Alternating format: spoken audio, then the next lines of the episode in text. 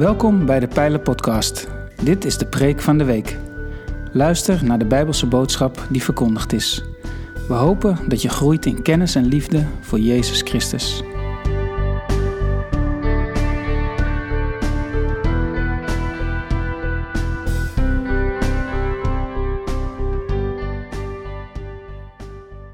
Maar zo gaat dat soms. Dan voel je je aangesproken door iets wat je gedaan hebt of iets wat je niet gedaan hebt. En dat komt dan omdat iemand er iets over zegt.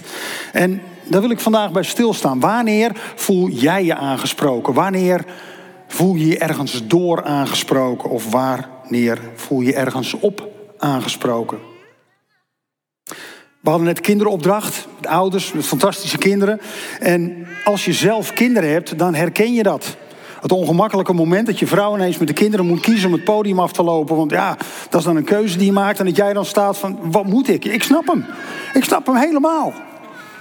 En ouders die hier zitten, die zullen dat herkennen. Hoe lastig het is als je graag wil dat je kinderen gewoon lief naast je staan. En ze gaan ineens datgene doen wat kinderen doen.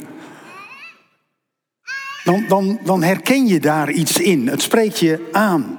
En het komt, het komt, jullie gaan dat zelf nog meemaken als ouders. Want jullie komen straks ergens, als het wat jaren verder is, komen jullie een slaapkamer binnen van je kinderen. En dan zien jullie daar een berg. Kleding, speelgoed. En dan heb je iets van, onder deze zooi ergens ligt een kamer en die wil ik terug. En dan vraag je je kinderen, dan geef je ze de opdracht, ga je kamer opruimen. En een paar uur later weet je of ze zich door jouw opdracht aangesproken hebben gevoeld. Of ze hebben gezegd ja, maar doe nee. En als je daar dan op vraagt, ja, maar ik doe het later. Of ze zeggen eh, ja en ze doen het ook. Dat kan. Maar hun actie daarna gaat laten zien of ze aangesproken zijn.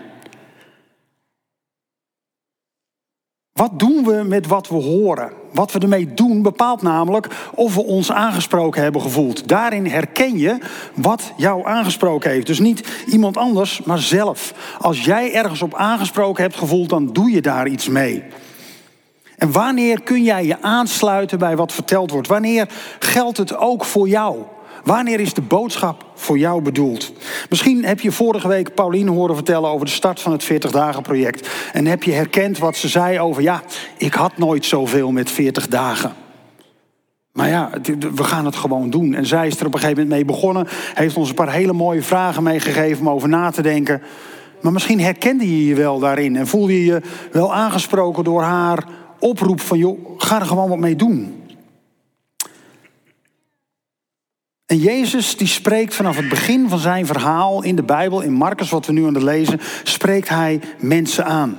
En Marcus, zoals Paulien vorige week vertelde, die begint met de stelling dat Jezus, zijn hele evangelie is bedoeld om de goede boodschap van Jezus te vertellen. En dat goede nieuws brengt Jezus continu. Hij vertelt dat het koninkrijk van God nabij is. Hij geeft onderwijs in de synagogen, in de dorpen, in de wijde omtrek. In heel Galilea staat er ergens. Aan kleinere groepen mensen en aan grotere groepen mensen. En dat hebben we de afgelopen dagen kunnen lezen. En dan is hij al stevig op weg en dan zijn we nog maar in Marcus 2. Dus er komt nog veel meer aan. En Jezus, dat zegt de tekst ook, spreekt mensen aan op een manier die nog nooit eerder was vertoond. Hij spreekt met gezag, hij spreekt nieuwe woorden. En dat doet hij ook in het korte stuk wat ik vandaag met jullie wil lezen.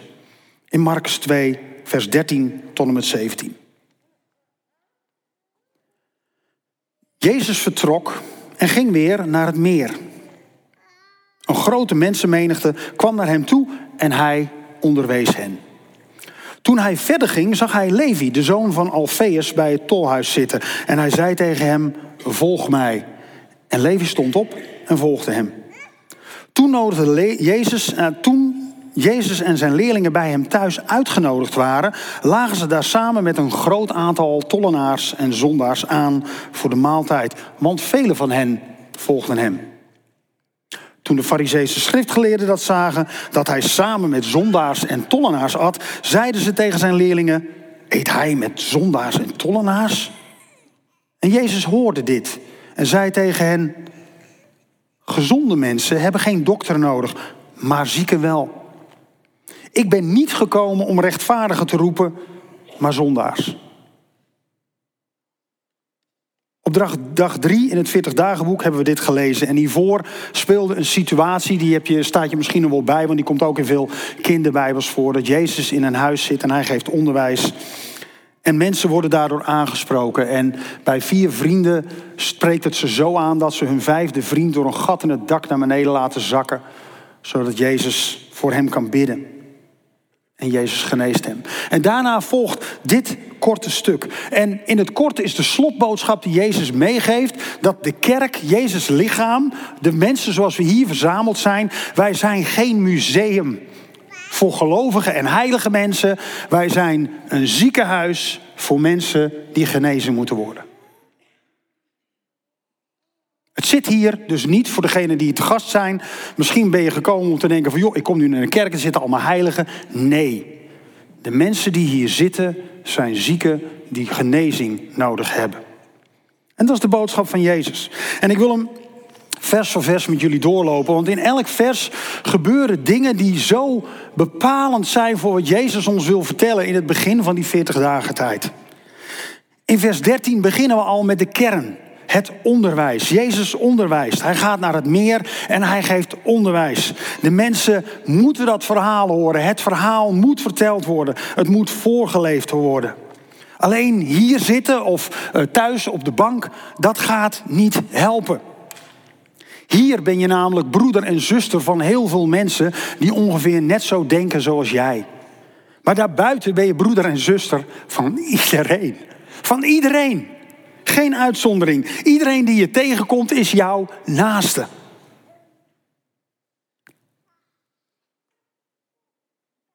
En Jezus ziet die mensen. In vers 14 lezen we dat. Hij ziet ze, hij spreekt ze aan en dan loopt daarna verder. En als hij met zijn leerlingen door Capernaum heen loopt, dan ziet hij Levi zitten. En Levi is een tollenaar, een belastingbeambte.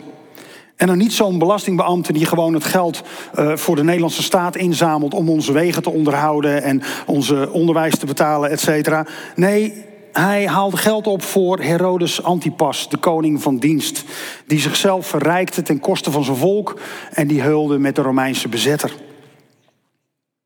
In de Tweede Wereldoorlog zou deze man, deze Levi, bij jou thuis geld ophalen om dat vervolgens te delen met zijn NSB-vriendjes en de Duitsers. Om even het beeld te schetsen hoe fout deze man was. Hij was niet echt populair in Capernaum, kun je stellen.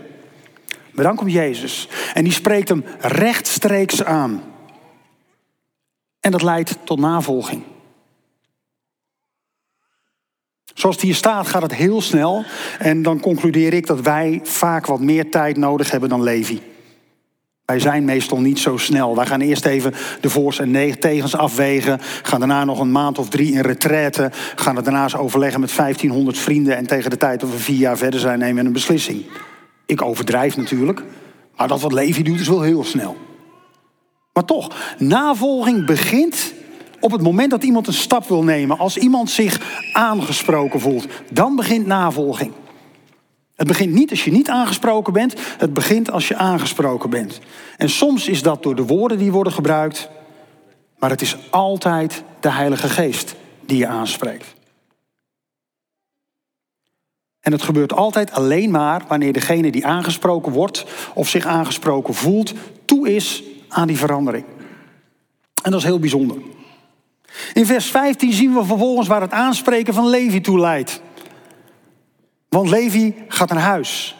En Levi richt volgens Marcus een maaltijd aan. En als we hetzelfde stuk in Lucas lezen, dan, dan, horen we dat het een feestmaal was. Het was niet zomaar even een paar boterhammen op tafel. Nee, Levi gaat all out. En hij nodigt zijn vrienden uit en kennen ze. Hij wil in de buurt van die bijzondere leraar blijven. En hij wil zijn vrienden in de buurt van die bijzondere leraar brengen. Maar al die vrienden hebben dezelfde handicap als Levi. Ze deugen gewoon niet. Maar toch werkt het ook voor ons, voor mij, voor jou. Want wat wij doen, kan mensen om ons heen inspireren. Net zoals Levi zijn vrienden probeert te inspireren door ze thuis in de nabijheid van Jezus te brengen. Wij kunnen ook mensen inspireren als wij ze uitnodigen om samen met ons verder te zoeken. Gewoon even een gewetensvraagje. Wanneer was het voor het laatst dat je iemand uitnodigde om mee te gaan naar een dienst of thuis een online dienst te kijken? Misschien een kerstnachtdienst, afgelopen jaar viel dat een beetje in het water. Maar wanneer voel je echt die drang om iemand in de buurt van Jezus te brengen? Om iemand in contact te brengen met zijn woorden. Zoals Levi het hier doet. Want laten we eerlijk zijn, als, als wij ze niet uitnodigen, wie dan? Stel nou dat jij door God gegeven bent om deze persoon uit te nodigen voor een feest. Voor een maaltijd, voor een ontmoeting met Jezus. Stel dat hij daar jou voor bedoeld heeft en je luistert niet. Ja, wat zullen ze wel niet van me denken? Als ik dat zomaar vraag. De wereld zit al genoeg vol met geloofsgekken en dat klopt. Zijn er genoeg die, die doen er dingen mee dat je denkt van, oh joh, daar wil ik ver van blijven. Maar laat je dat je tegenhouden? We hebben een verantwoordelijkheid. En Levi, Levi doet het gewoon puur uit enthousiasme. Die gaat er gewoon vol in. Die geeft een feest. Hij wil zijn vrienden in contact brengen met die rabbi. Maar ja, als jij vol bent van Jezus zoals Levi dat is, dan kun je je klok erop gelijk zetten. Dan gaan mensen er iets van vinden. Mensen vinden daar wat van. En dat vinden we in vers 16. De geleerde mensen in die tijd, de mensen die de wet kennen, die vinden er wat van. we lezen het, de fariseeërs eet hij met tollenaars en zondaars. Dat doe je toch niet? En misschien is het ook niet helemaal onlogisch als je even terugdenkt aan die vergelijking met de Tweede Wereldoorlog die ik net maakte. Dan kun je op zijn minst even een wenkbrauw optrekken als je denkt bij jezelf van ja, die gast die zit daar wel met mensen die aan de verkeerde kant zitten. Hè? Maar ja, die mensen zien alleen maar de rabbi die aanligt met een verrader. Zij zien niet meer in Levi dan een verrader. En Jezus ziet meer. Jezus ziet veel meer. Jezus ziet een Levi wat niemand anders in hem ziet. Maar dezelfde weerstand waarvan we lezen in vers 16, die komen wij, jij, ik, iedereen ook tegen als je ergens gaat vertellen wat je gelooft. Dan komt er weerstand. Absoluut. En dat is logisch, want die mensen zien niet wat jij ziet. Ze ervaren niet wat jij ziet. Als datgene wat jij gevonden hebt alledaags was, dan deed iedereen het. Echt, het is niet alledaags. En voor de ouders van vandaag ook weer een ding. Als je ouder wordt, dan zul je gaan merken dat het steeds moeilijker wordt om je kinderen enthousiast te maken om mee te gaan naar de kerk. Hoe ouder ze worden, daar komt een punt waarin ze denken: ik wil niet meer. Dan heb je veel meer succes als je ze uitnodigt voor de KFC of de Mac. Gaan ze veel sneller in mee. Als datgene wat wij gevonden hadden, hebben alledaags was, dan deed iedereen het. En dat is het niet. Datgene wat we gevonden hebben is bovenaards. Het is bovennatuurlijk. Het is groter dan we ons kunnen voorstellen. En als er al weerstand is vanuit de wereld, dan komt dat omdat deze wereld niet meer is zoals die ooit bedoeld was. Ergens in Genesis 3 gaat het mis. Dan wordt de mens uitgedaagd. Denk je nou echt dat God de grootste is? Nee, echt niet. Je kunt net zoveel als God zijn. Sterker nog, je kunt meer worden dan God. Gewoon even een beetje vruchtje, boompje plukken, eten, doen. En daar gaat het mis. Er is iemand, en in Genesis 3 zien we dat in de vorm van een slang, maar dat kan zich in verschillende vormen laten zien. Er is iemand die ons wil doen geloven dat rijkdom verzamelen, imago opbouwen, de reden is dat wij hier zijn. Er is iemand die wil dat we daarnaar gaan leven, maar het is een dikke, vette leugen. Als je gelooft dat dat het reden is dat je bestaat, rijkdom verzamelen en, en, en ja, gewoon heersen. Dan ben je hier dus niet om te dienen. En wat Jezus ons toe oproept, is dat we moeten dienen, ook in moeilijke situaties. En dat is ongewoon, dat is buitenaards, dat is iets wat we uit onszelf niet kunnen. Dus het zou logisch moeten zijn dat je hier in de kerk, in een plek waar Gods mensen samenkomen, aangesproken wordt door het woord van God, door Jezus. Dat de dingen die je hoort, dat die soms moeilijk voor je zijn en dat die soms lastig liggen. Sterker nog, als het nooit zo is, moet je jezelf afvragen of je wel in een goede kerk bent. Als je hier bent, dan is het de bedoeling dat je geconfronteerd wordt met gedachten en gewoontes die buiten jouw comfortzone liggen. Tenzij je heilig bent. En als je al heilig bent, is een makkelijke check. Dan ga je naar het toilet, je doet de deur achter je dicht, je doet het licht uit. Ben jij nou degene die licht geeft in het donker, dan ben je vrijgesteld. Maar zolang dat niet zo, of je bent radioactief, dat kan ook. Maar kortom, is, die, die check die is vrij simpel. En meestal als wij in het toilet doen, we doen het licht uit, dan is daar gewoon donker. We zijn niet heilig. Dus er moet geschuurd worden. Dat is de bedoeling. Wat er gebeurt in vers 16 is gewoon een logisch gevolg van iets bijzonders. En als er iets bijzonders gebeurt, dan brengt dat een tweedeling. En dat lezen we in vers 17. En dat is waar het om gaat. De kern. Jezus legt kraakhelder uit waarom hij gekomen is. Hij is gekomen om zondaars te roepen. Niet om rechtvaardigen te roepen, want die mensen die vinden zichzelf goed genoeg.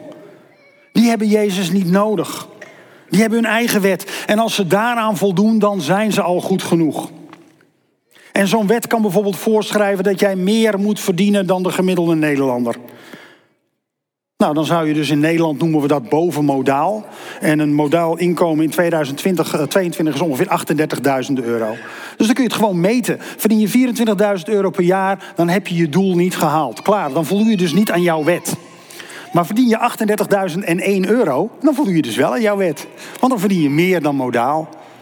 Maar dat is jouw menselijke wet. Die zet jou aan om meer te verdienen, meer te krijgen, meer te hebben. Een image op te bouwen. Een Facebook-profiel wat glittert aan alle kanten. Instagram-account waar veel volgers aan zitten. Mensen die waarde hechten aan jouw uitspraken. Menselijke erkenning. En als het alleen gaat om het naleven van wetten, of je ze nou zelf verzonnen hebt of niet, dan heb je Jezus niet nodig. Jezus is gekomen voor mensen die de plank wel eens misslaan. Jezus is gekomen voor de mensen die dat van zichzelf durven toegeven. Hij is gekomen voor de mensen die wel eens iemand anders hebben beschadigd. Misschien zonder dat ze het wilden, maar toch. En die mensen die het beter weten, die het zelf wel bepalen, die hun eigen wetten hebben, die het zelf fixen, die zullen zich niet aangesproken voelen. En als Jezus zo'n tweedeling maakt, dan voelt dat ongemakkelijk. Want wij leven in een wereld waarin we graag willen dat alles hetzelfde is. Alles gewoon gelijk. Vrouwen en mannen, geen verschil. Kinderen moeten zich op steeds jongere leeftijd al als volwassenen gaan gedragen. Want dat is lekker overzichtelijk. Iedereen hetzelfde. Er mag geen onderscheid gemaakt worden. En een heleboel mensen vinden het ook een normale gedachte dat uiteindelijk iedereen wel in de hemel zal komen. God is toch liefde, dan komt toch iedereen wel in de hemel. Heb je daar wel eens over nagedacht? Dat als iedereen die hier op de aarde is onveranderd naar de hemel toe gaat, dan wordt het in de hemel toch binnen de kortste keren dezelfde puinhoop die het hier is. Echt, ik weet niet hoe je de hemel voorstelt en dan kun je een heleboel beelden op loslaten en dat mag allemaal.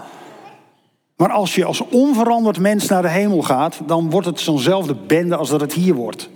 Dus er moet iets gebeuren tussen hier en daar. En daarvoor zegt Jezus, ik ben gekomen om zondaars te roepen.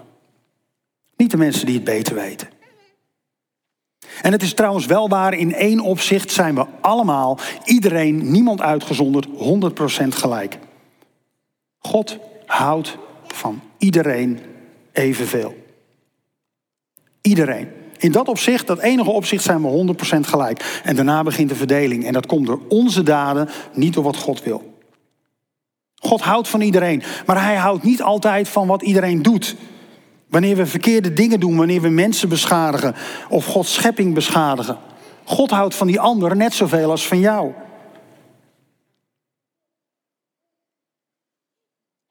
Heb je er wel eens bij stilgestaan waarom God jou zou uitnodigen op zijn grote eindfeest als je net een van zijn kinderen eh, in elkaar hebt getimmerd?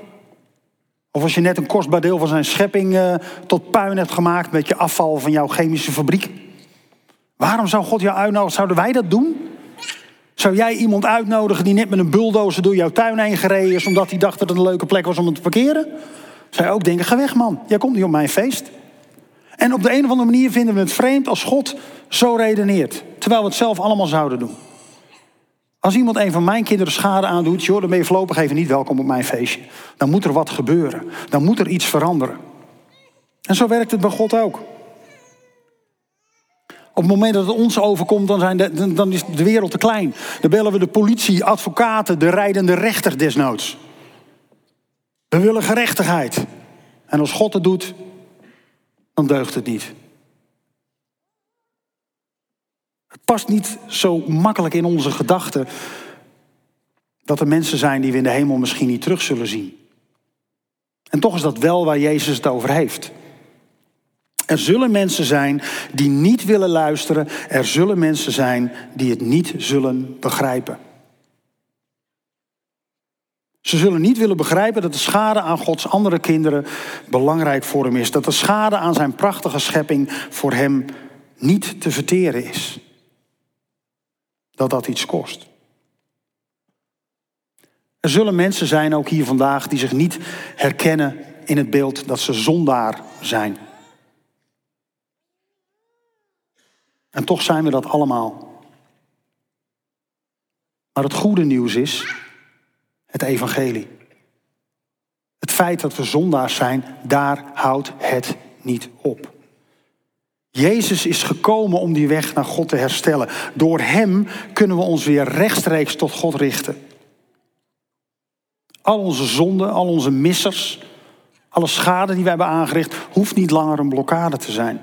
Maar dat ontdek je alleen als je luistert. Dat ontdek je alleen als je je aangesproken voelt. En dit verhaal over de roeping van Levi de tollenaar lezen we ook in andere evangelieën. En in één evangelie, in het Matthäus-evangelie, is het uh, wel bijzonder, want daar heet de tollenaar ineens Matthäus in plaats van Levi. We gaan er ook met z'n allen vanuit dat Levi door Jezus de naam Matthäus krijgt. Geschenk van God. Ik weet dat Manies net zei dat uh, uh, Jesse betekent geschenk van God. Maar Jesse komt van Isaïe en dat betekent man van God. En Matthäus is geschenk van God. Sorry, kleine correctie.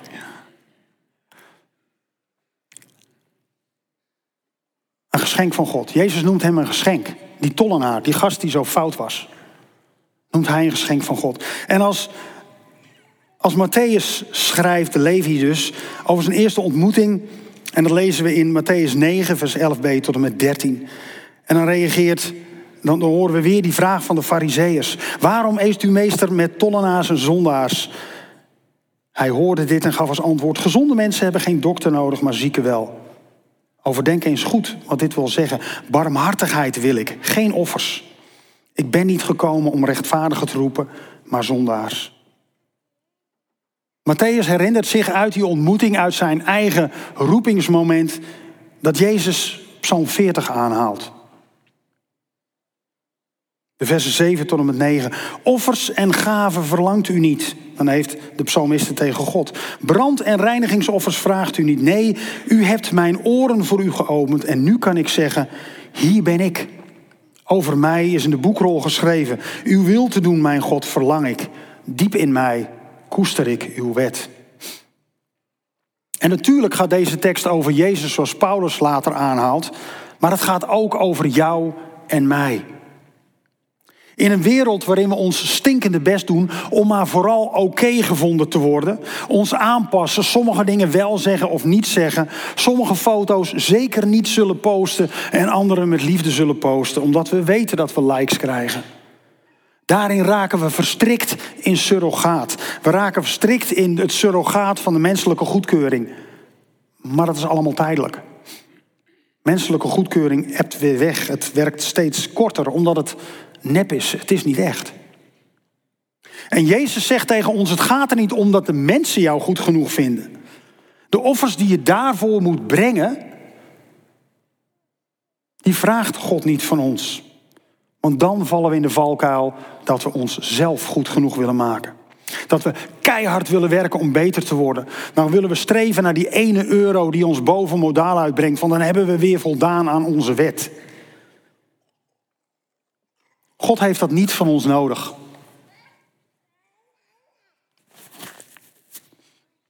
In Psalm 50 zegt God: Ik heb de stieren uit jouw stal niet nodig.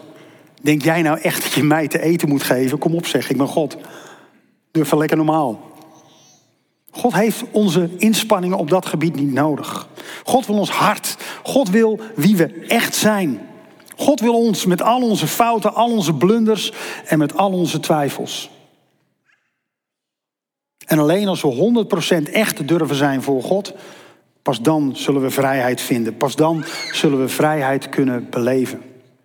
Niet door ons werk of door wat we kunnen, maar doordat we ons aangesproken voelen door die Jezus en dat we daar iets mee doen.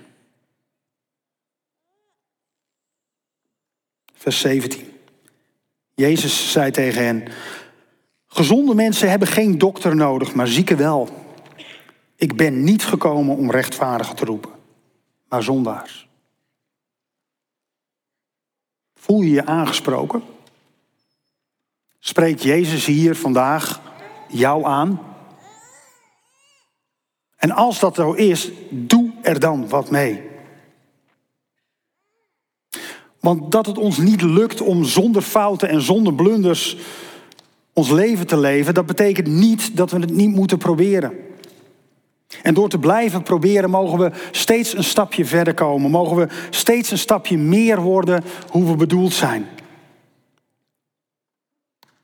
Maar het kan ook zijn dat je je niet aangesproken voelt door de woorden van Jezus. En dan zul je niet willen luisteren. Dan was dit gewoon een lang verhaal. En daar heb je dan doorheen gezeten. En ik had geloof ik ergens tussendoor twee grappen, dus dan heb je nog een beetje lol gehad. Nou, oké, hoop ik. Maar niet de beste grappen natuurlijk, ik ben geen Peter Pannenkoek. Maar toch. Maar dan zul je niet willen luisteren. Dan zie je niet waarvoor je Jezus nodig hebt. Maar dan hoop ik wel dat je één ding wilt meenemen. Gewoon een gedachte. Dat Jezus er is. Hij is er om je te helpen opstaan als je gevallen bent. Hij is er om je te helen als je beschadigd bent. En hij is er om je te helpen genezen als je iemand anders beschadigd hebt. Hij is er en hij wacht. Hij wil zijn koninkrijk niet zonder ons. Hij wil het niet zonder jou. Hij wil het niet zonder mij. Hij heeft geduld, omdat hij ons dat koninkrijk gunt. En we zullen daarin zelf onze weg moeten vinden. En misschien vind je die weg vandaag. Zoek dan mensen op om mee te bidden. Straks na de dienst kan dat. Stel de vragen die je hebt. Dat kan altijd. Doorbreek de barrières die je bij hem weghouden. Verbreek de ketenen die je vasthouden aan die eeuwige wens om goed genoeg te zijn voor de wereld. Stop met het spelen van de rol die je jezelf hebt opgelegd. Volg Hem. Want Hij is gekomen voor jou. En God zij dank ook voor mij. Amen.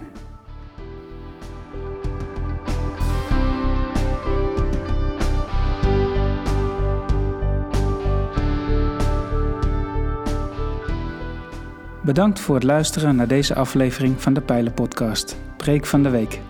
Heb je vragen naar aanleiding van deze preek? Stel ze. Dat kan via een e-mail naar onderwijs.pijler.nl. We helpen je graag verder in je groei als leerling van Jezus Christus.